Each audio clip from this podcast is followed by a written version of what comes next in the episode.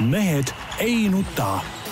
selle eest, et mehed ei nutaks, kannab hoolt Unibet, mängijatelt mängijatele.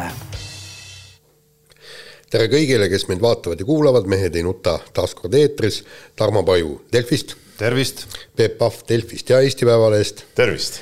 Jaan Martinson Delfist, Eesti Päevalehest ja igalt poolt mujalt. niisiis, Tarmo Unibetiga said siis äh, lüpsta, jah? Trump ei võitnud Trump ei võitnud või jah. on veel lootus? seda, et, et Tarmo on kogu selle presidendivalimiste kõige suurem kaotaja, see on nagu selge. kaks panust, null. ja ma jah, no nüüd sa rääkisid välja, ma vist ise rääkisin välja, et äh, ei mäleta. sa rääkisid eelmises saates sellest. ja, ja ei, ma olin Unibetis selles meie jõuproovis loomulikult, aga nagu ma ütlesin ka, et see, see ei olnud nagu tark panus, kuigi tegelikult, tegelikult ei, ma arvan, et see oli. koefitsient oli täiesti okei okay,, mõistlik panus tegelikult sel hetkel panna, see kaks koma kuus või viis või mis ta oli seal.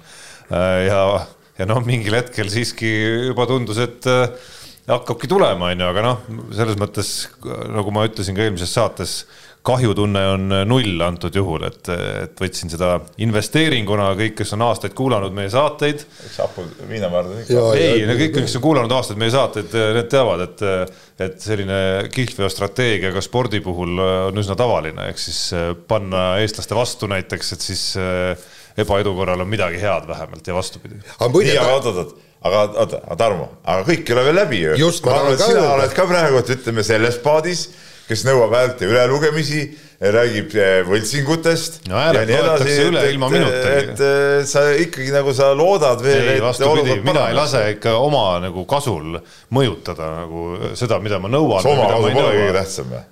minu jaoks mitte, jah. muuseas, meile öeldakse, et heli puudub, ma ei tea, äkki keeraks mingi heli ka peale.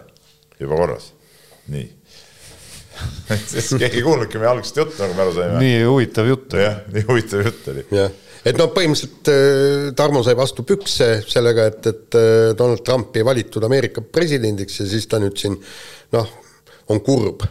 ta on kurb jah, ma pean teda lootama siin mitmeid, mitmeid päevi, aga, aga ta siiamaani ikkagi hinges loodab, et, et see olukord veel muutub. No peate te siis välja rääkima kõik nüüd nagunii aga.... selles mõttes, las jääda see ametlik versioon ikkagi, et see nagu kodune poliitika on tõestanud, ei ole vahet äh, mida me tegelikult arvame ja mida me tegelikult mõtleme, et oluline on see, mis me siin välja ütleme, et noh, kui ma ütlen siin, et, et on nii, et mul ei ole kahju absoluutselt sellest kümnest eurost seal, siis las see versioon jääda. ühes asjas oli muidugi, kui me korraks veel teeme väikse poliitlõike siia sisse et eile oli päris meeleolukas pressikonverents, kus Mart Helme teatas oma tagasiastumisest, eks ole et ühes asjas oli tal muidugi õigus, mis puudutas seda nende kuul-, kurikuulsat, ma ütleks niimoodi, seda raadiosaadet.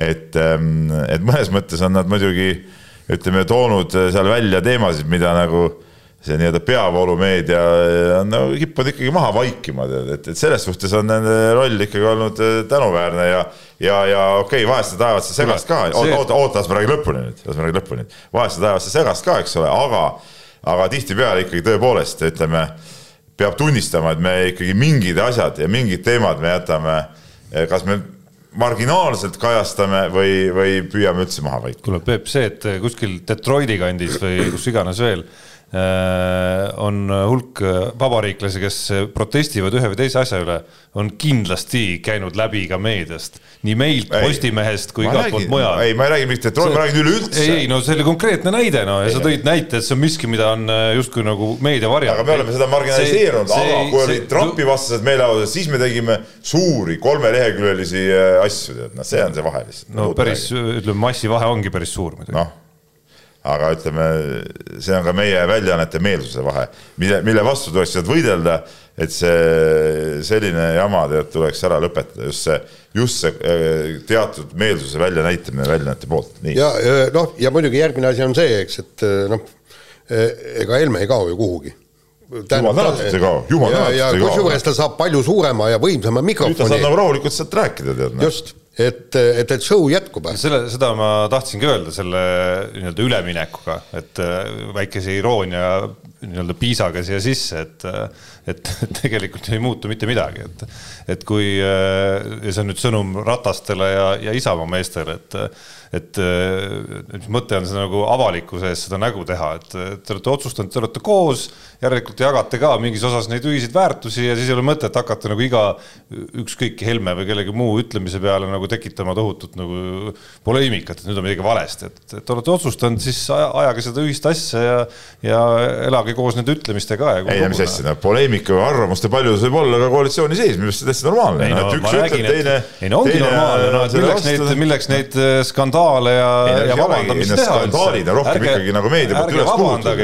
lööge selg või selg sirgu, eks ole, Jüri Ratas ja öelge, et meil ongi arvamuste paljusus äh, siseminister võibki, võibki tõmmata Bidenile nii-öelda nagu mütsi pähe, on ju, ja me ei pea siin midagi vabandama ja, ja meie diplomaadid lähevad, ütlevad ka USA diplomaatidele, et äh, ei, me ei vabandada, et näed, meie valitsuses ongi arvamuste paljusus, no Vaata, kõik. aga selles suhtes Tarmo muidugi selle unustab ära, et kuidas ähm, Eestis hõõruti käsi kokku ja sama meie kurikuulus peavoolumeediaga rõhutas iga Trumpi äh, mingit väidetavat äh, seaduse rikkumist ja, ja küll pandi, et ta on halb president ja, ja, ja, huvi pärast ma guugeldasin seda mingi Sven Mikseri laused, et kuidas see, ta ei ole nagu ikkagi hea president ja see oleks nagu kohutav ja nii edasi, kui ta saaks enne eelmisi valimisi, et noh no paraku kõik ju, kõik ju kordub ja need asjad unustatakse ära, et ikka vaadatakse asju oma mätta otsast. ei no mis oma mätta otsast no,, kõlas no, väide, et Joe Biden on korrumpeerunud. kas on mõni, on seal, on siis no, mõni tugi ka sellel? et seal Ukraina teemal tema pojaga on küll mingid asjad. ei, ma räägin nagu Joe Bidenist praegu no,. isa ja poeg on üks sama. on või? no ei ole või? ei no sama, sama jabur oleks ju see. et kõik, kõik, mis sina oled näiteks, mis iganes teinud mis iganes rikkumised, me võime need sinu poja kaela lugeda näiteks ja vastupidi või? kui, kui, kui minu poeg kuskil rikub seadust, on ta kolmkümmend, nelikümmend, loomulikult mina isana vastutan sellest ka, loomulikult. noh, jäta nüüd. et ja teine asi on see, mis on nagu oli eriti totter, eile Riigikogu infotunnis üritati poega Martin Helmet panna enda isa vastu, no see oleks ju käsitlematu ju. see oleks käsitlematu, kui oleks ta tõesti öelnud, et, et ei kurat, isa ajab lolli juttu. nagu Pavlik Morozov. ma tahtsingi just öelda, sa oled ju elanud äh, pool elu selles ühiskonnas, kus no, äh, isa vastu süüdistamine. sellepärast ma imestangi. sulle meeldis see ühiskond? sellepärast ma imestangi, et, et ütleme, sihukeste asjadega välja tuldi. sihukeste parteide poolt, kes kogu aeg räägivad mingit nagu et, et küll see Vene aeg oli halb. tegelikult siiski Peep üritati talt küsida, et millised on need, need osad isa seisukohtadest, mida tema ei jaga, aga sealt ei tulnud vastust no,. aga ta ei, õige poeg ei ütlegi seda välja, selles suhtes ei, miks, küsiti ju tema, ei, küsiti ju tema kohta, mitte isa kohta, küsiti, mida tema ei jaga. kuule, okei okay et, et see oli nagu Aitab. ütleme, kõrgpilotaaž olid need Helme vastused, see pre-, Riigikogu infotunnis. ja, ja kusjuures üks-null võit temale. absoluutselt. Äh, tegelikult kaks-null isegi. nii, aga. ma jään räägime... eriarvamusele, see oli ikka päris traagiline. ta oleks võinud vastata siis, milliseid ta ei jaganud no.. ei, saad aru, tema vaatevinklist oli kaks-null võit, sellepärast et ta tegi seal, mida tahtis. me võime üldises mõistes seda pidada traagiliseks, aga, aga kui, kui, kui vend saab täpselt oma taktika peale panna ja mängib, kogu mäng käib tema järgi, siis kes siis võidab? Loomulikult tema. traagilist ma seda küll näinud. show missugune. no ja. ma ei tea, kas parlament on koht, kus peaks show käima. aga mis seal toimub? ei no aga no, poliitika ongi vastand küsimusele, kogu lugu. poliitika ongi kole. kuule, me oleme kümme minutit juba sellest jahunud. ja, ja kui ta selg on nii sirgu vastand, et ta jagab kõike, väga lihtne noh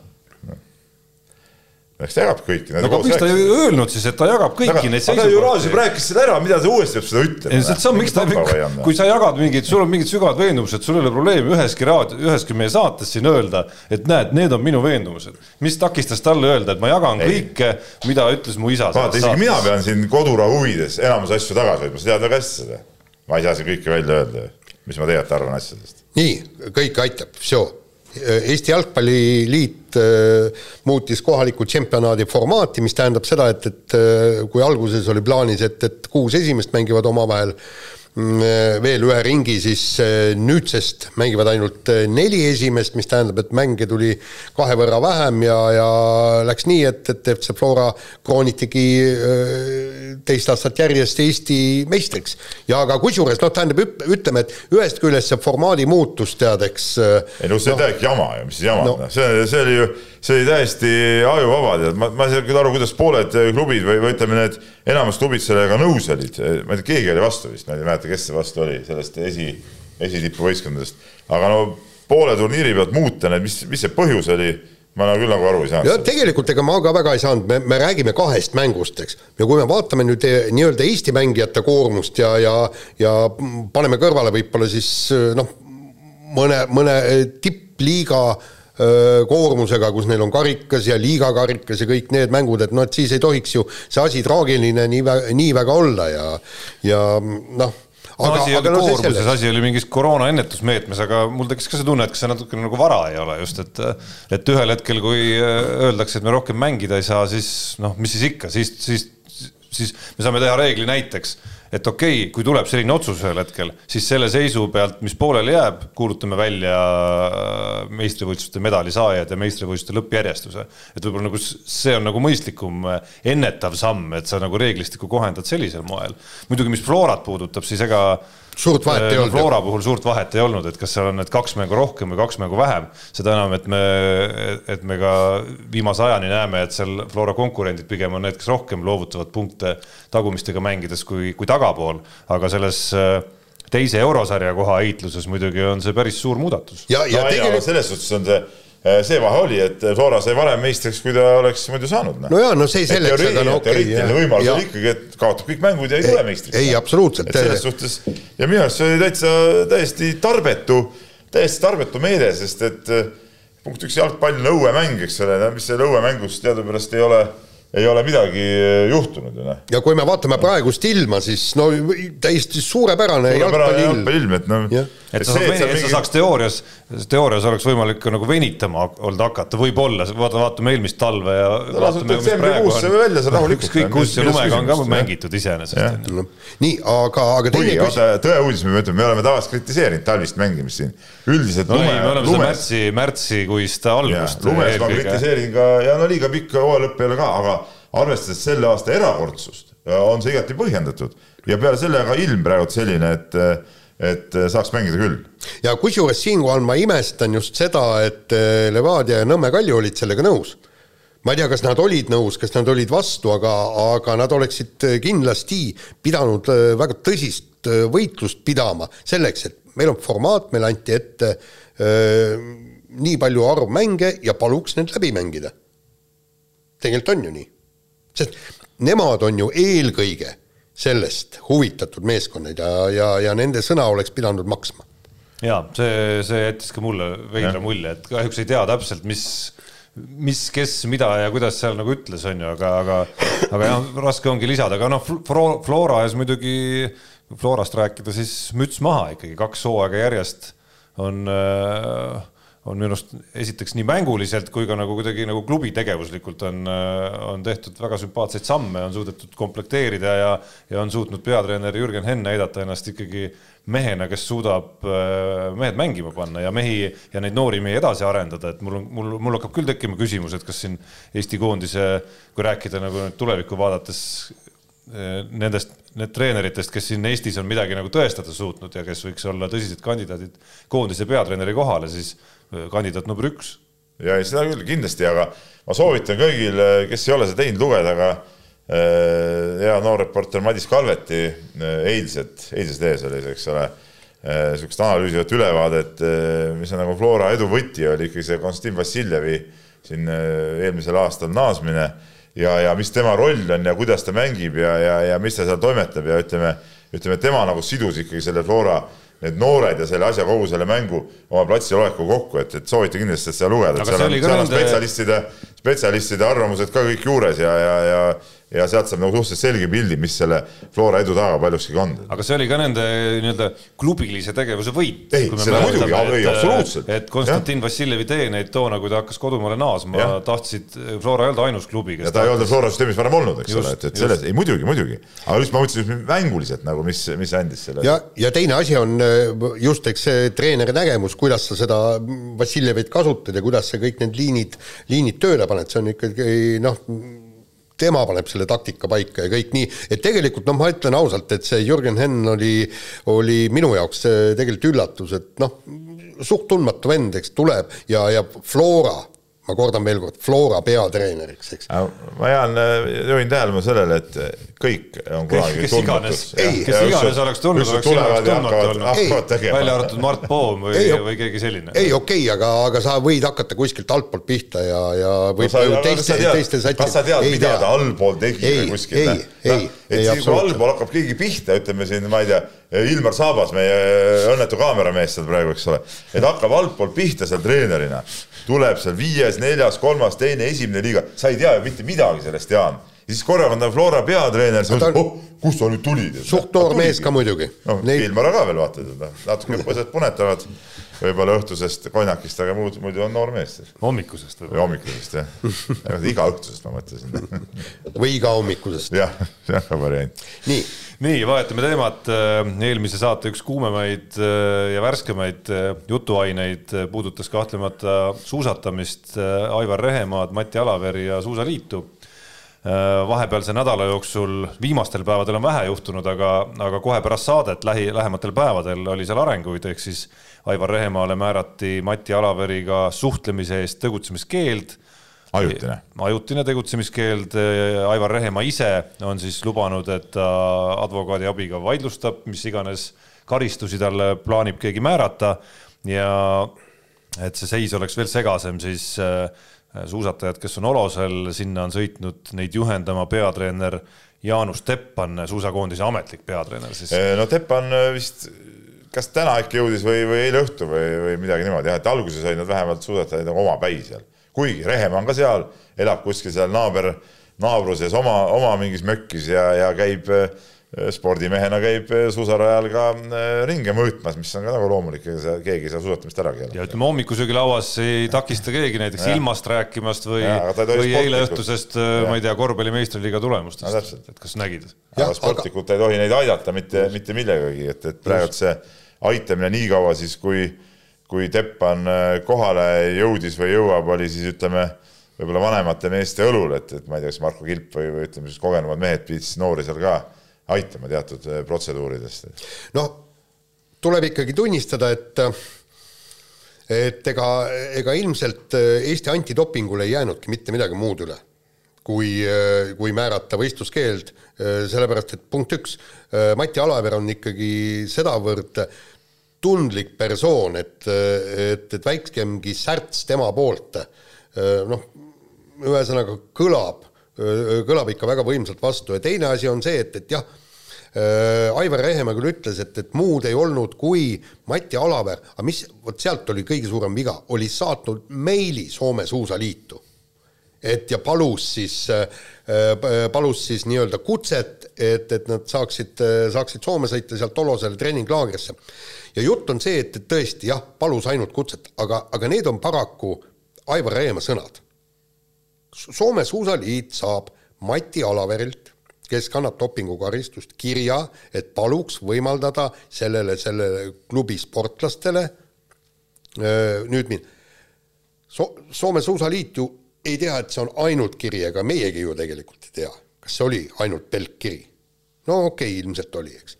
aga noh, see, see on ju laagri organiseerimine. ei no seda küll jaa, aga ma ütlen, et noh, see ülim rumalus, ülim rumalus äh, Rehemaa poolt, aga aga sellest me rääkisime eelmine saade siin juba, et nüüd on nagu küsimus rohkem selles, et kuidas see asi nagu ikkagi nagu edasi, edasi läheb ja, ja ütleme noh, et no jutt oli, et peatreener Jaanus Teppan on koha peale sõitnud, et, et kui palju need sportlased temaga tahavad või, või, või teevad seda koostööd, et, et see on, need on nagu need küsimused ja kuidas see kogu organisatoorne pool ka edasi Äh, läheb, et kui, kui praegult oli ikkagi Rehemaa õlul, nii-öelda oli võtnud oma klubiga teatud äh, kohustused, eks ju, sportlasi seal aidata, et, et kas, kas need kõik need, need, mis Rehemaa praegu plaanis, kas siis suusaliit teeb ise need ära, teevad nad koondise alt need ära, kes rahastab, mismoodi, et need on nagu need, need põhiküsimused tegelikult, millele millele ei ole praegult nagu selget, selget vastust olemas. muide, siin no, on tegelikult kusjuures see selge vastus sõltub ju juba sellest, et kas ja millal tuleb ka päris tegutsemiskeeld. jaa, see minu teada on kui, kui see tuleb üsna pea või no.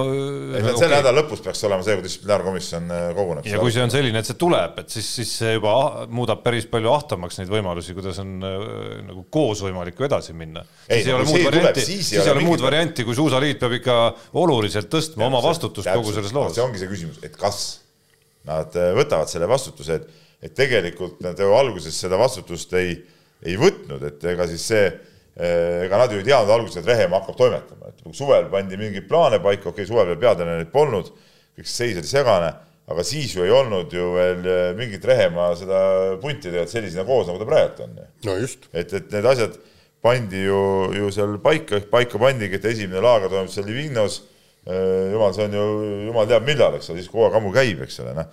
et noh, selles suhtes noh, ja ma eeldaksin nüüd küll nagu Suusaliidult eh, mingit jõulisemat ja aktiivsemat eh, tegutsemist ja ka oma tegude aktiivsemat kommunikeerimist, et, et, et mis nüüd, mis nüüd kõik saama hakkab. seal on veel küsimusi, eks, et Aivar Rehemaa on, nagu ma olen saanud aru, mitte kõigile, aga osadele sportlastele pannud paika treeningplaanid, kuidas, kuidas nüüd tuleb käituda ja kuidas nüüd siit edasi läheb, ütleme, kui seal tuleb mingisugune tagasilöök, näiteks noh, väike haigus, ta ei saa kaks-kolm päeva treenida, siis tuleb neid eh, treeningplaane ju kenast-, kindlasti muuta, eks. korrigeerida. korrigeerida, nii, ja kuidas nüüd on, eks? Üks inimene, kes teab, et need treeningplaanid pannakse ju paika noh, pikemat eesmärki silmas pidades, kas siis, kas siis sportlane, no ta ei tohi Aivar Rehemaale helistada, öelda, et kuule, mul on niisugune asi, et, et neid tuleb korrigeerida, neid plaane kas, kas nüüd siis Jaanus Teppan suudab sealt plaanidest kõike seda välja lugeda, eh, mida, mida sportlane ja treener on äh,, Rehemaa on plaaninud ja suudab neid eh, täpselt õigesti korrigeerida. sest see on ikkagi tundlik mäng, me räägime äh, noh, si-, siin võib ju tegelikult sportlase hooaeg se-, sellega nässu minna. no olles äh, nendes peendustes ikkagi suht võhik, tundub nagu loogiline, et lihtsam on uusi plaane kirjutada, kui hakata võõra inimese olemasolevaid korrigeerima. samas on nende plaanidega mille, alustatud mille pealt seda uut plaani, sa pead ju teadma just, seda, seda seisu ka, et siin vaielda, noh, nii ehk naa tuleb nagu ütleme siin mingi, mingisugune sihuke, kuidas ma ütlen, nagu noh, miks nagu teha, eks ole, et, et sa pead ikka arvestama sellega, mis tehtud on ja mis, mis suunaga need esimesed harjutused tehtud on, et või esimesed mingid tsüklid, et et vastavalt sellele pead ju edasi ka minema. aga noh, tulles äh, selle nii-öelda esimese küsimuse juurde tagasi, mis enne peab lahenduse saama, ehk Aivar Rehemaa küsimus, et noh, ega lõpuks äh, ongi ju põhjus ka arutada, et kas oletame, et see oli see üks abipalve, on ju, kuigi see oli väga märgiline abipalve Mati Alaverile, mida ta tegi, mis viitas sellele, noh, sobis kokku komplekti tema muude mõtteavaldustega, mis ei ole olnud nagu ütleme siis Alaveri tehtu osas nagu väga hukkamõistvad siiski, vaid, vaid pigem mõistvad, et et, et kas, kas oletame, et see oli see üks abipalve, see logistika küsimus nii-öelda, et kas ta peaks siis saama päris tegutsemiskeelu või mitte? lõpuks on ju, on ka see küsimus, mille arutelu on nüüd huvitav jälgida siis. no siin on see põhiküsimus on ju selles, et kui palju on võimalik uskuda Aivar Rehemaa juttu, et, et kogu asi piiruski selle ühe mingisuguse jutuajamisega, mis eh, pool jutu seest tuli välja, et, et kas eh, Mati saab aidata selle mingisuguse kutsega. Et noh, kui see piirus ei saanud sellega, oletame, siis, siis, siis kõlaks nagu liiga karmilt. siis oleks nagu liiga karm see, et mingisugune, ma ei tea, viis aastat ei saa nagu midagi teha, eks ole. no kaks aastat, aga isegi kaks okei vahet ei ole, kaks, viis, vahet ei ole, nii. Ehm, aga et, et kui see oleks nii, siis oleks kõik muud karis-, oleks nagu ranged karistused ebaõiglased, aga küsimus ongi selles, et, et kuidas sa teada saad, noh et kuidas saada seda kindlust, et, et see asi oli nii, et, et väga tahavad, ma olen siin Rehemäega päris palju rääkinud, noh, noh, räägib nagu aus mees kunagi, aga need suusatajad on varemgi nagu ausad mehed kunagi rääkinud, eks ole. et noh, alati peab millegipärast selle suusatajate juttu võtma ka niisuguse väikse, väikse niisuguse nagu eelarvamusega või, või nagu mõtlema, et, et kui õige see jutt on, ma väga tahaks uskuda seda, et see, mis Rehemaa räägib, on nagu õige ja ja iseenesest, kui ma nagu vaatan ja mõtlen, ma olen päris palju inimesi mõelnud selle, selle case'i peale, et et noh, tead, ta teebki nagu võib-olla õiget ja ägedat asja ja, ja, ja ja tahab seal teda suusatamist kuidagi üles tõsta noh, miks ka mitte, aga kogu aeg on ikkagi see aga jälle kuklas kuskil, et, et aga kui palju ta on ikkagi nende vanade teemadega seotud. Noh. et see küsimus on nagu. noh, seal üks võimalus on see, Aivar Reemaa võtab suvest saadik oma selle telefoni väljavõtted, esitab sinna, näete, palun, ma olen ükskord Mati Alaver helistanud no,. õigel kõik... konspiraatoril on ikka ka teine telefon, sa pole spioonifilme näinud, teed kõne ära, krõks pooleks ja prügikasti. tänapäeval need nuputelefon maksab mingi kümme eurot tükk võib-olla või?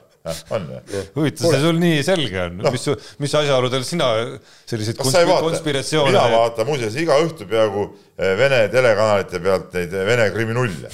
seal, seal on NTV-d ja värgid ja seal on ju need kogu aeg, jumal, see on täitsa tavaline.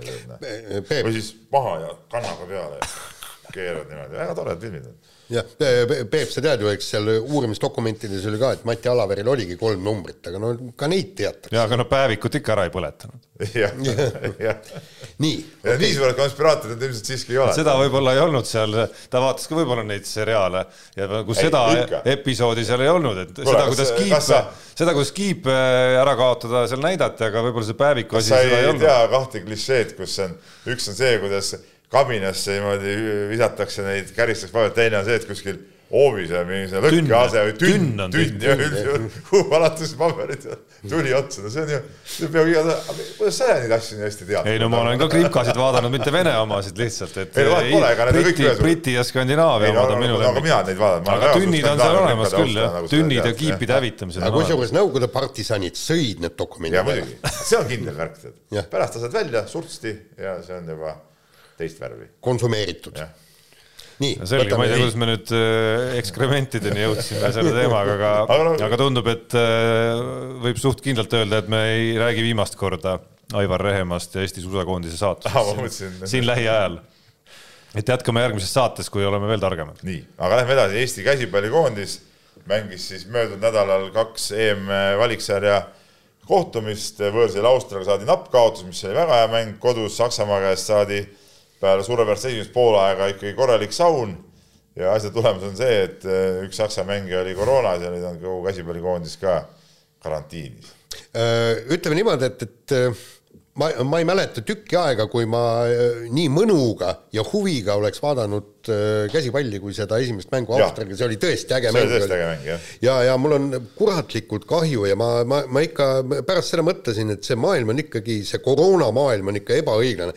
no tõesti korraldada võit, võistlust, kus, kus osad ja is, parimad mängijad pane sinna nüüd Patrel, pane sinna Jaanimäe no, juurde no,. okei, Austrial oli veel rohkem mehi puudu muidugi, igaks juhuks tasub öelda. ei, aga, aga, aga ütleme nüüd niimoodi, et no jah, neil oli ka puudu, aga panemegi siis äh, parimad, äh, parimad satsid vastu. tasemelt oleme Austriast tead nõrgemad ja Austria on ikkagi viimase EM-i kaheksas võistkond. jaa, aga, aga, aga see, et, et kuidas me lõppkokkuvõttes seda ja, mängisime. jaa, no mul tuli just see paralleel meelde, ma olen Peebule seda rääkinud ka omavahel, et et mõlemat mängu vaadates, kusjuures nii Austriaga kui Saksamaa mängu esimest poolaega, et, et need olid nagu natukene need näited mängudest, äh, mida Eesti pallimängukoondistel tuleb päris palju ette, eriti jalgpalluritel viimastel aastatel, kus sa mängid nagu endast eeldatavalt ikkagi väga selgelt tugevamate vastu.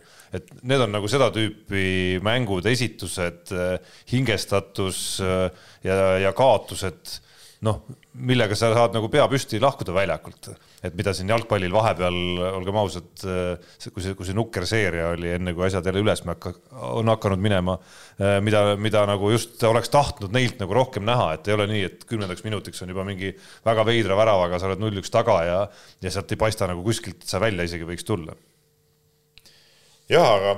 et selles mõttes oli sümpaatne ja väga sümpaatne oli näha, et Äh, mis seal salata, ei näe iga päev sellisel tasemel Eesti käsipallurit üht-teist väravat viskamas, et, et äh, ja, ja see ei ole asi, mida nagu kogemata õnnestuks kuidagimoodi teha, et see, et, et. kuigi teises mängus sa tunnistasid, et ta tegutses juba rumalamalt, eks ole, et, et ja see oleneb ka sellest, kes sul ikka vastas on, tead, kokkuvõttes. ei no absoluutselt jah, et, et ilmselgelt oli nagu rõõm ka näha natukene nagu kasvanud kvaliteeti ikkagi, hoolimata Mait Patraili ja Tener Jaanimaa puudumisest.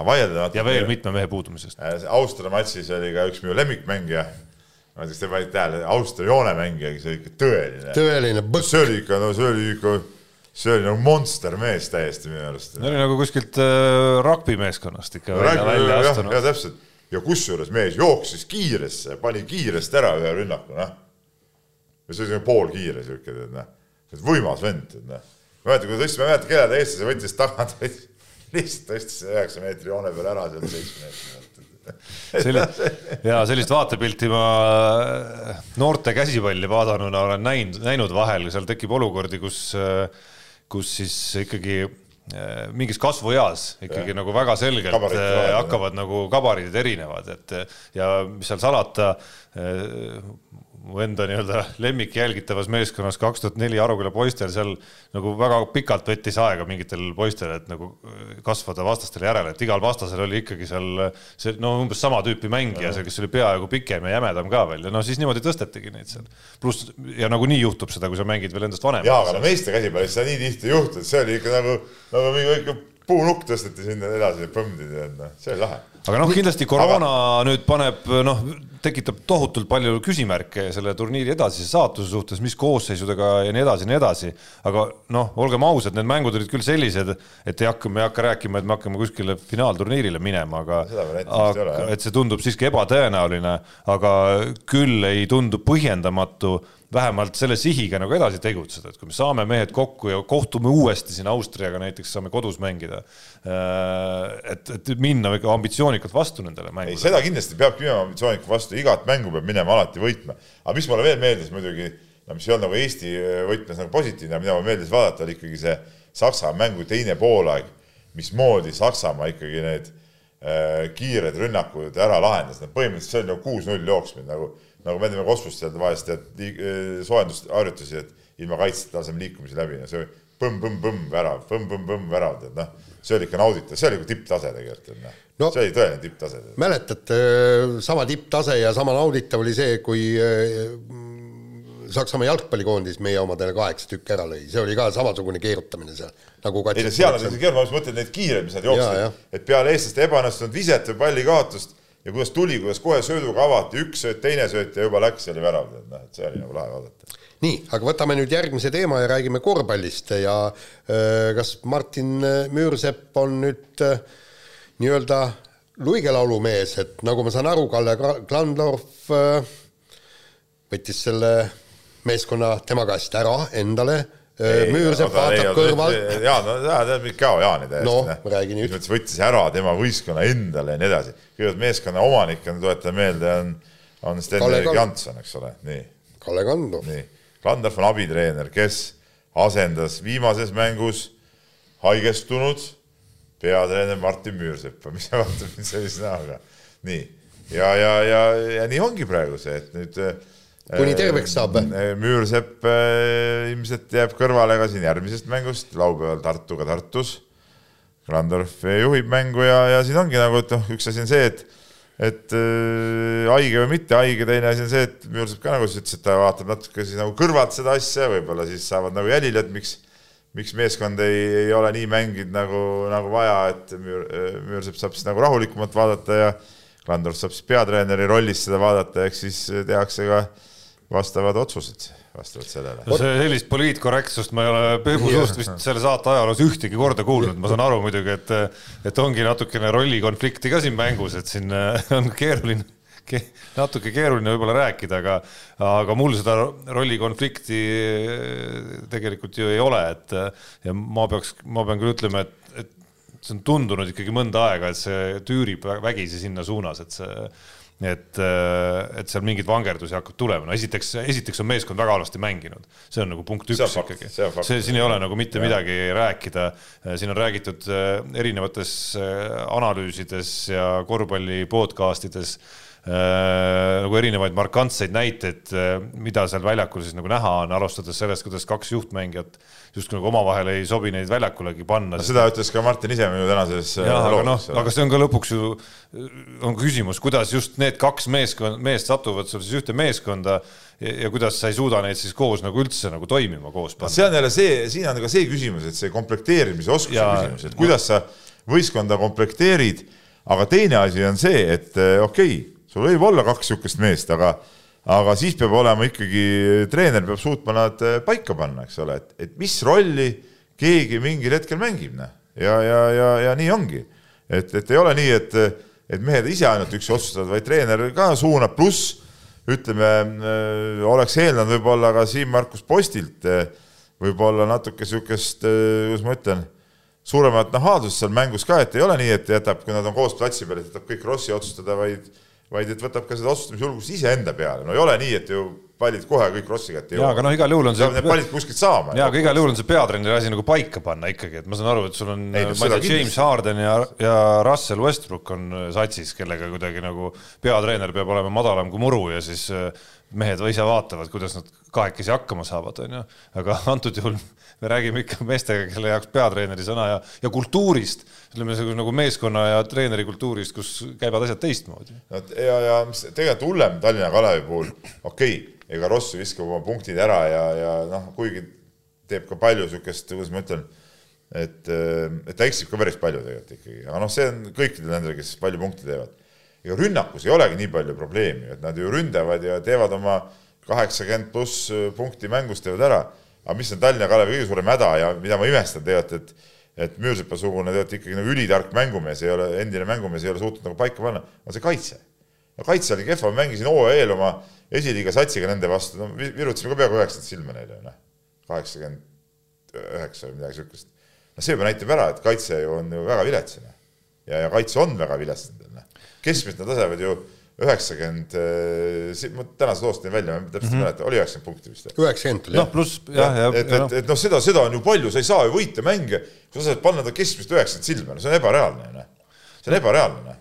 noh, pluss kui panna sinna juurde, ma nüüd ei mäleta täpselt, oli see ka mõnes podcast'is, kus see jutuks tuli, et, et seal nii-öelda nagu selline nagu piitsatöö ongi teinekord Klandorfi peale jäänud, on ju, et noh, siis ei ole ju ka loomulik dünaamika seal treeneri pingil üldse, et et äh, ilmselgelt seal, seal nagu mingeid muutusi ongi, ongi ju vaja.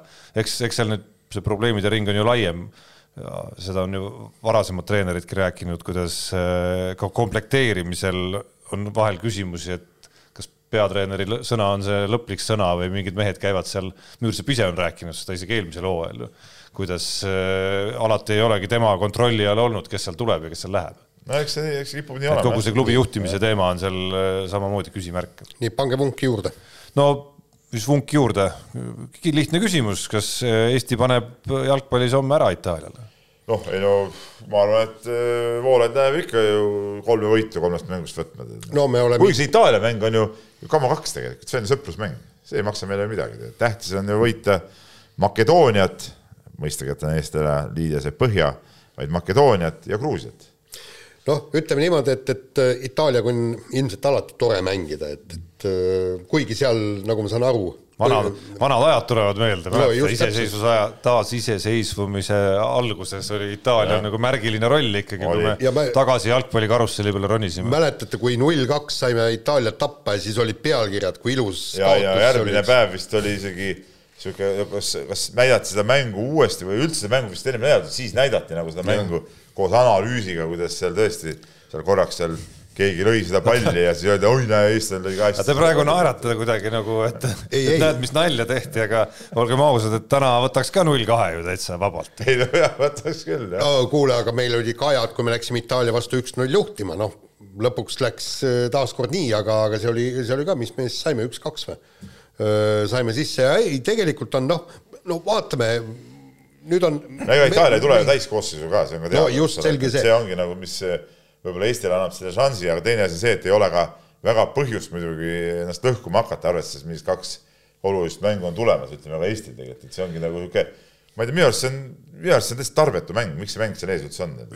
ei no veel kord, Itaaliaga on alati hea ja tore ei, mängida. küll, aga sul on kaks olulist mängu tulemas et arvestades seda, et siin oli häda, et, et siin liigades mehed mängivad nagu liiga, liiga tiheda graafikuga ja sellepärast tuli siin liigat nagu lühendada ka natuke, et ma ei tea, noh, et, et põhimehi seal kõiki nüüd kanjaitada, noh, ma ei tea, kas seal on mingit pointi. ja siis põhimõtteliselt Makedoonia, Gruusia vastu tuleb ju veest äh, kivi või kivist vesi välja pigistada. ja täpselt, et no tuleb ei, no, kiviga välja pigistada, lähed vette, vaata lähed kuskile veekogu põhja pigistad lupsti ja siis kivi lendab siit näppude vahelt niimoodi vulsti vee seest välja. on võimalik küll. ja kõvad mehed Chuck Norris ja Edgar Savisaar, nemad kindlasti pigistavadki veest kivi välja muideks.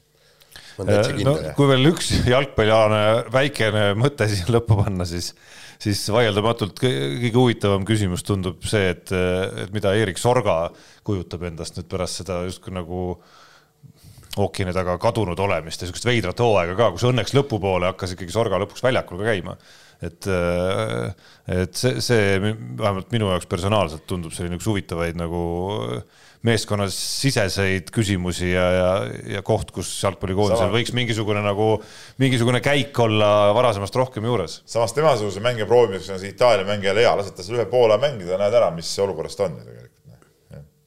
Nonii. kõll nii lähme väga hästi kõlas. väga hästi stiilne see Jaani see röögatus üle stuudio kõll. no jaa, ei. no meil on varumees Rubilniku puldis ja ta sai väga hästi hakkama praegu. meil on äh, nelja kaamera peale üks kaameramees, üks mees Rubilnikus ja üks näitsik surfab internetis seal taga. et stuudio on ütleme alamehitatud või ala, ala naisitatud, nii, sõimati ka sealt kaamerameeste poolt, aga lähme, lähme. Lähme nüüd edasi ja Ken Torn, äh, kiire vahemäng on meil, Ken ja. Torn hullab äh, juunior äh, ERC sarjas, võitis jälle ralli ära, kusjuures no võitis võimsalt, kusjuures tal olid ju rehvi purunemised ja jäi nii-öelda peaaegu poole minutiga liidrist maha, aga, aga ikka pressis ennast esimeseks ja, ja see ei kõla väga tihe konkurents, on mu esimene Kuigi... mulje kuulates. ei kuidas..., vaata ei, tegelikult seal sarjas on, on täitsa sõidumehed tead ka, seal käivad ju sõitmas paljud samad mehed, kes sõidavad juunior WRC sarja ja see kõik, no ütleme, torn, ega torn ongi selles, ütleme selles juunioride sarjas, võtame selle, on ta juunior WRC, on ta ERC, noh, tegelikult tema sõidukiirus ja selle poolest ongi absoluutne tippmees, siin ei ole midagi rääkida. et tegelikult nüüd, no ma arvan, ta vist vanuse poolest äkki ka on viimane hooaeg seal võimalik sõita vist juuniorid, ma täpselt seda vanust ei tea, aga igal juhul ta on nii kaua neid juuniori asju sõitnud et äh, nüüd on ainult küsimus selles, et, et, et kas nüüd see hooaeg lõpuks, et ta selle ERC sarja näiteks võidaks ära, üks etapp on seal jäänud veel, et ta nüüd saab kuhugi edasi tõusta sealt, näe. et mis auhind oli, kaks sõitu, sõitu. R5-ga ERC rallidel.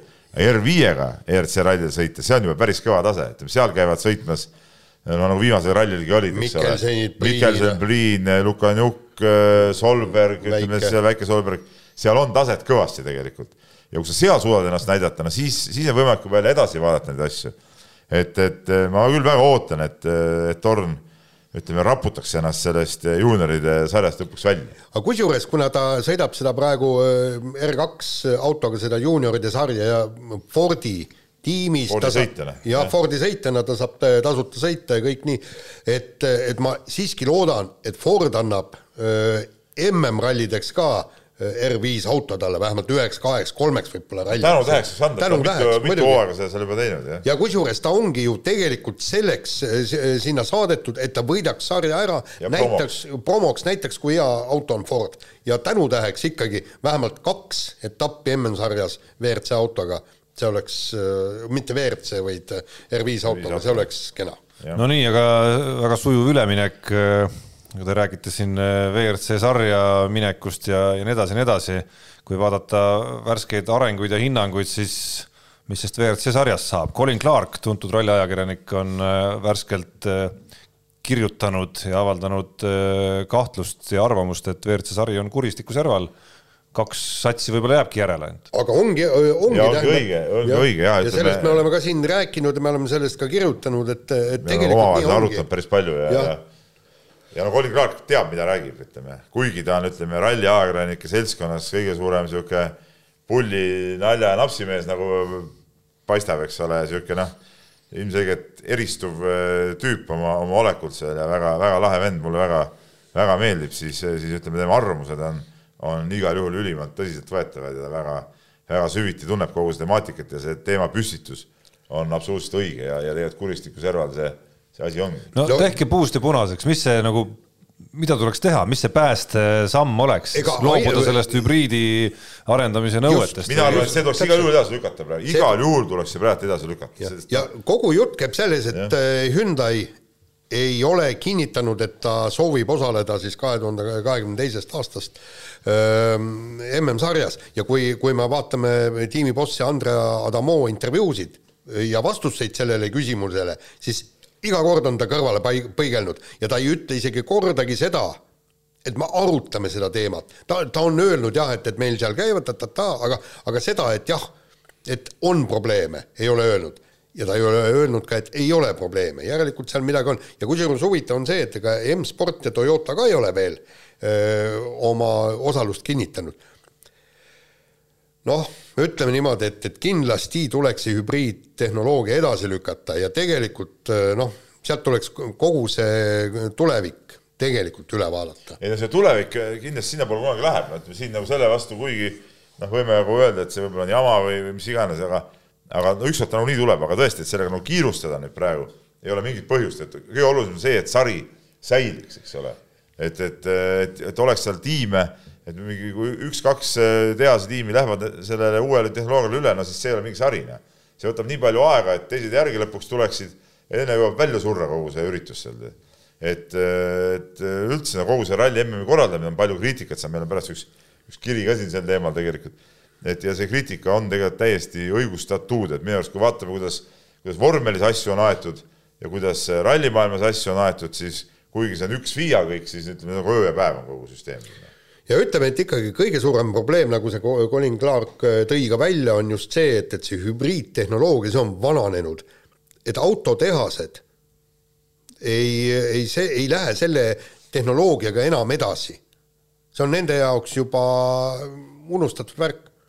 ja, ja ma olen ise mõelnud, mõelnud ka, et, et mida me nüüd siis tahame, kas me tahame korralikku MM-sarja või, ja oleme nõus leppima sellega, et seal sõidavad elektriautod.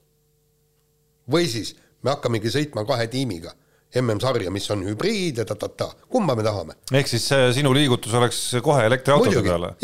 aga noh, ilmselt mingisuguse pausiga selles mõttes, et, no, laseme... et hetkel tuleb see koroonaaeg üle elada kõigepealt ja, ja auto, autofirmade raskused. no aga nüüd on see hea näide, mis Aiden Pädon tegi selle elektri. tegi elektriauto jah. väga, väga, väga võimsana see ralliauto. no seda Just. ma poleks küll uskunud, et äh, nii vara tuleb see päev, kus isegi Peep hakkab rääkima, et võiks elektriauto olla. ei, siin ma nüüd rõhutan. no sa hakkasid rääkima juba. ma ütlen, et eh, neid autosid on võimalik teha ja need on olemas juba noh, on niisugune auto olemas, aga kindlasti, kindlasti ma eh, nii kaua kui võimalik, mina tahaks, et hoitakse ikkagi seda vanakooli ralli asja Peep. aga ma saan aru, et aga no selge, et see läheb see, sinna lõpuni see kahjuks ei kesta. et mis seal salata, e-, endalgi on siin sel aastal olnud mingeid autovahetuse mõtteid vahepeal. oota, oota, oota, oota, ei ära sega vahele, ei, ma räägin lõpuni selle. ja kusjuures, et, et ka tarbijana tegelikult vaikselt juba on see äh, kuskil kuklas kumab natukene, et, et see võiks olla mingi faktor, millele sa nagu mõtled, kui sa seda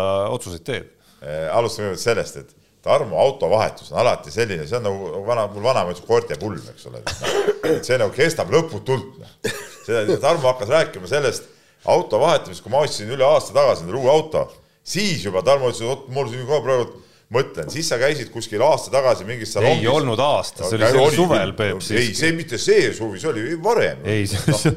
talvel räägid. see on nagu. igatahes sa räägid. klassikaline see on täpselt nagu Helme jutt on nagu lihtsalt lahmib mingeid asju. jaa, sa võid tõestada seda.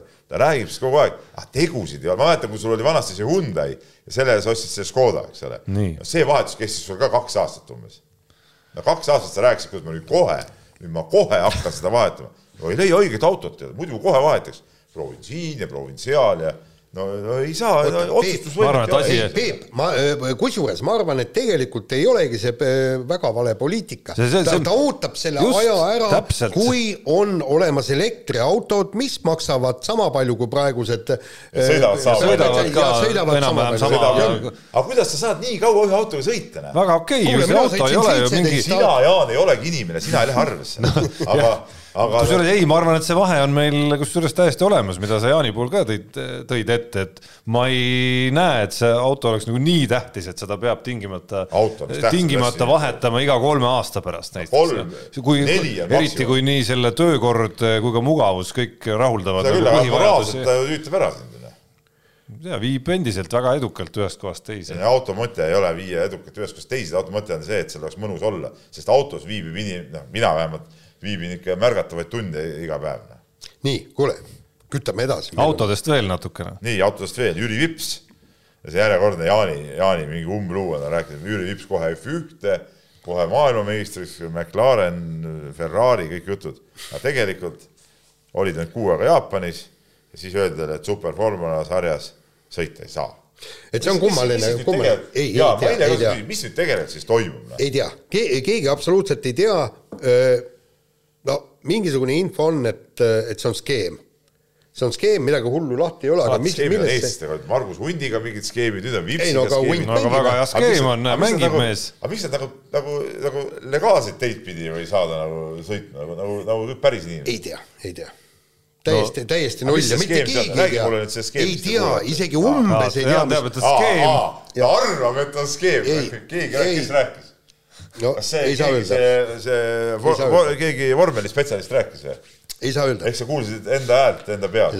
Äh, lugege foorumeid ja kõik, kõik on hämmingus, kõik tahavad teada, mis toimub ja Red Bull äh, kõvemad mehed, ma äh, meenutan, näevad unes mingeid asju, Urmas Sõõrumaa oli ka kõva unenägude nägija näiteks. aga kõik tahavad teada, seda ma ei usu, sest et nagu näiteks küsitlus tahab ainult kolm protsenti sai fännide hääli vips, et võiks vormel ühte minna. Järelikult eh, no, aga... populaarsus oli nii suur, et kõik tahavad, sa liialdasid selle praegu. ei no kõik, kes tunnevad huvi vipsi vastu no,, ta-ta-ta. nii, järgmine teema, eestlaste keha on kaunis. Fitnessi MM-ilt korjati neli medalit ja kusjuures äh, loeme ette body fitnessis kuld, bikiini fitnessis pronks ja Masters bikiini fitnessis hõbe ja pronks. oota, äh, Masters ma lihtsalt, ma lihtsalt hakkasin naerma, vabandust, et Jaan hakkas seda lugema tõsise näoga niimoodi, vaatas, vaatas mulle otsa ka veel. Äh, eestlaste keha on kaunis. no vot, ja, ja, siis, ja siis meil on kaamera, mis võtab siin. ei, aga mis siis on? oi, kuule kuule, aga just täna me koosolekut ilmselt ära oli juttu, et eestlaste iluoperatsioonid nüüd nagu kuna reisida ei saa, siis kõik iluoperatsioonile. Kas sa ei ole siis pannud endale aega kinni? ei ole, ei ole. ei, kuule, oota, Tarmo, stopp. oleks küll aeg minna. stopp, Tarmo. kuule. mis mul viga on, sa oled mul kole või? no tead, kehaosasid võiks timmida. kuule fitnessi MM-il me oleksime Peebuga täiesti äh, tõsi, jah? ei, absoluutselt, kategoorias mehed, näiteks mina oleks mehed, kuuskümmend pluss äh, kilodes äh, sada pluss ja rasvaprotsent, noh, ma ei tea, kolmkümmend pluss. peetakse, seal on iga, iga poole kilo tagant on uus kategooria. niisugune kategooria on olemas? ei, aga saab sisse viia. ma arvan küll.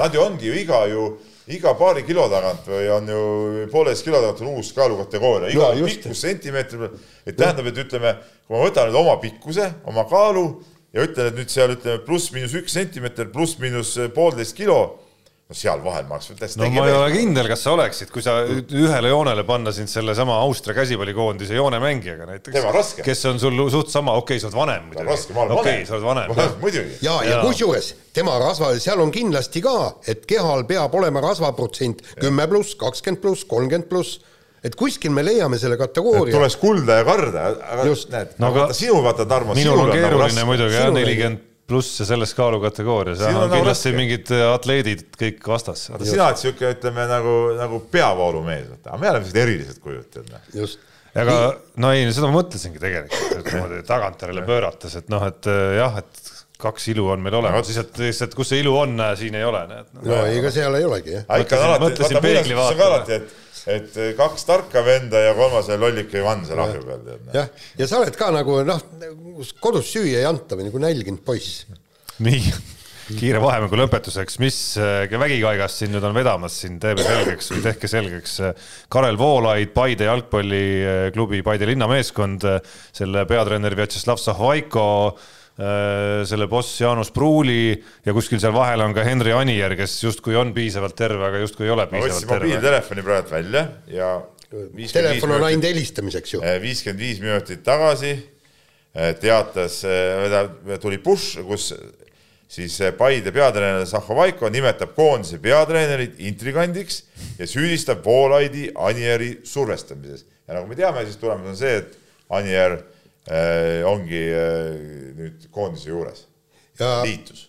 aga noh, et ma saan aru, et seal mingi tsirkus tõesti käib, aga ma tunnistan ka ausalt seda, et et ma ei ole väga, väga aina segasem on aru saada, et kes, mida seal, et mis see Anieri enda äh, nagu seisukoht, seisukoht seal nagu selle asja sees on, et lõpuks aga, peaks ju tema otsus olema. lõpuks teadmata nüüd tõesti tead detaile ma alati kaalun, kaldun ikkagi nagu klubi peatreeneri poolest, tema teab kindlasti täpselt, mis seisus ta mängija on ja mis mängijal on parem. ja teine no, asi on mängijal, see, mängijal selge on ise väga raske nagu ei hakata ütlema, see on ka selge. see on ka selge. ja, ja, ja kusjuures Paide võitleb eurosarja koha pärast ja raha pärast ja, ja, ja selge on see, et, et miks Anieri tahetakse nii-öelda pingi peal hoida, et las ta turgutab ennast, ravib ennast terveks ja siis äh, tulevad ju Paidel otsustavad mängud. no ja eks see teema on tehtud viimaste nädalate või paari kuuga üsna tundlikuks ka, et siin need Karol Metsa ja ja Joonas Tamme juhtumid ja Andres Vaheri äh, ilmavalgust esmalt mitte näinud ja siis näinud kommentaarid, et see nii-öelda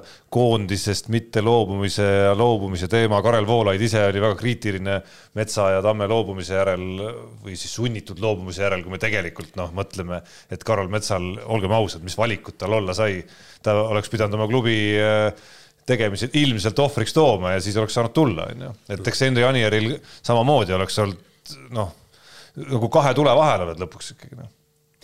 nojah, mis puudutab nagu metsa, siis muidugi eh, Vaata, nagu me oleme ka rääkinud, et, noh, et mets, eh, me eeldasime, et ta on nii kõva mees, et sihukest dilemmat tal ei tekigi üldse noh, kui sa lähed äh, sinna kanti. no aga see näitab seda, et ta nii kõva mees ei ole, kui ta sinna kanti läheb. kus ilmselgelt on ka, ma arvan, siukseid motivatsioonipakette, mis on selle mineku põhjuseks, on ju, et siis, siis selle kõige nagu, kui sa oled otsustanud, et sa teed selle, et siis sellest loobu, loobumise nõudmist ma arvan, äh, palju meist oleks valmis tegema ja. selle otsuse äh, teistpidi. mees on nüüd jälle tagasi ja, ja okei okay,, ühe korra juhtus sihuke asi, no mis seal ikka. mis sellest vanast asjast täna? on sul Unibetiga ka mingit juttu? kõlli ka. kõlli. no laseme kõik Unibetis saab tasuta vaadata aastas enam kui viiekümne tuhande mängu otseülekannet. seda isegi mobiilis ja tahvelarvutis. Unibet, mängijatelt mängijatele. ma loodan, ma loodan, et kuulajad kuulevad seda natuke kõvemini kui meie, et ma pidin nagu kogu oma kõrvakuulmid mängu panema, et kuulma, kas see kõll ikka mängib või ei mängi. no võib-olla on siin ealised iseärasused. aga sa kuulsid nagu väga hästi. aa, okei okay nii, kuule, kiirelt, meil on neli, meil on neli minutit aega, me peame kiirelt. see karjus kõrva muidu, aga ühesõnaga nagu saate alguses jutuks tuli, minu panus, et Donald Trump võidab USA presidendivalimised äh,. ja Peep on väga õnnelik, nagu näha, et Trump ei võitnud ikkagi kuule, oma kasu kõige tähtsam, mis asja jamad. ja minu saldo on kolmsada viisteist, et mitte midagi tehes. ai, ai, ai, siis sa, siis sa jäid ikka veel ette. siis sa jäid ikka ette, mul oli vist kolmsada viis või seitse või midagi siukest. kui just Jaan ei ole siin vahepeal hullanud jälle. ei, ma natukene. Jaan jälle üks pihtas, üks möödas. ei, ei, ma kasvatasin natuke, mul on äh, kakssada kuuskümmend pluss potentsiaalne panus, mis on viiskümmend eurot võitu, juhul kui äh, tuleb Elfin Evans, äh, nii et, et mul on, on, mul on kolmsada kümme on noh, niisugust potentsiaalset raha praegu. nii, mehed ei nuta eripanus uueks nädalaks on Unibetis täiesti leitav eripanuste alt. küsimus et Eesti jalgpallikoondis lööb värava Itaaliale koefitsiendiga kaks koma seitsekümmend viis. väike, väike. vanasti Itaalia oli nagu betoonkaitsevõistkond, ma ei tea, kas praegu selle koosseisu ka on, et noh, ma hästi ei usu. sõprusmäng. no ikkagi. aga mis nad peaks laskma? kuule, sorga tuleb. aga mis nad peaks laskma endale enne, neil tuleb ka ametlikud äh, mängud, eks ole, mis nad peaks enne ametlikke mänge laskma endale, äh, ütleme, sellise ebameeldiva emotsiooni, et mingisugune Eh, maailma eh, saja kaheksakümnes või mitmes oleme praegu, et eh, võistkond lööb neile värava no.. nii et ei, ühesõnaga jah? ei, ei tasu panna jah? pange, pange ei peale hoopis raha. nii, kirjad. nii, võtame kirjad, kirju. minu on... teada sa ei soovita ega pane panuseid koefitsientidele üks koma alla ühe koma viie. ei soovita jah. kirju on palju ja Georg Sonne on meile kirjutanud, saatnud ühe Äh, Õhtulehe podcast'i, kus üks äh, sarjas nagu Tuvid oli sportlane, mida ma vahest ka kuulan, täitsa, täitsa tore asi vahest, käis Alvar Tiisler ja rääkis avalikult Eesti tele, töö ja spordi muredest ning rõõmudest. Ja seal äh, oli siis palju juttu ka spordipublitsistikast ja Alvar oli seal öelnud, et, et vaatajaid oleks selle jaoks liiga vähe, et mis te arvate? Äh, et noh, me oleme siin palju rääkinud seda, et ETV-s äh, peaks niisugused asjad olema. kui, kui vähe on vähe ETV no, jaoks, vot see no, ongi kogu küsimus. minu esimene mõte oli ka see, et, et ETV jaoks nagu ei peaks see vaatajanumber nüüd nagu kõige esimene kriteerium olema ikkagi, et no, ütleme... seal on nagu mingid missiooni asjad ja, ja nii-öelda nagu ühiskondlik tellimus heatasemelise spordipublitsistika järele, mida võiks ka rahuldada siiski. no ütleme niimoodi, et, et ma ei oska nüüd öelda, et, et meie saadet näiteks kunagi Kuku raadios ju laeti alla, mis oli, sada tuhat äh, korda, see oli see,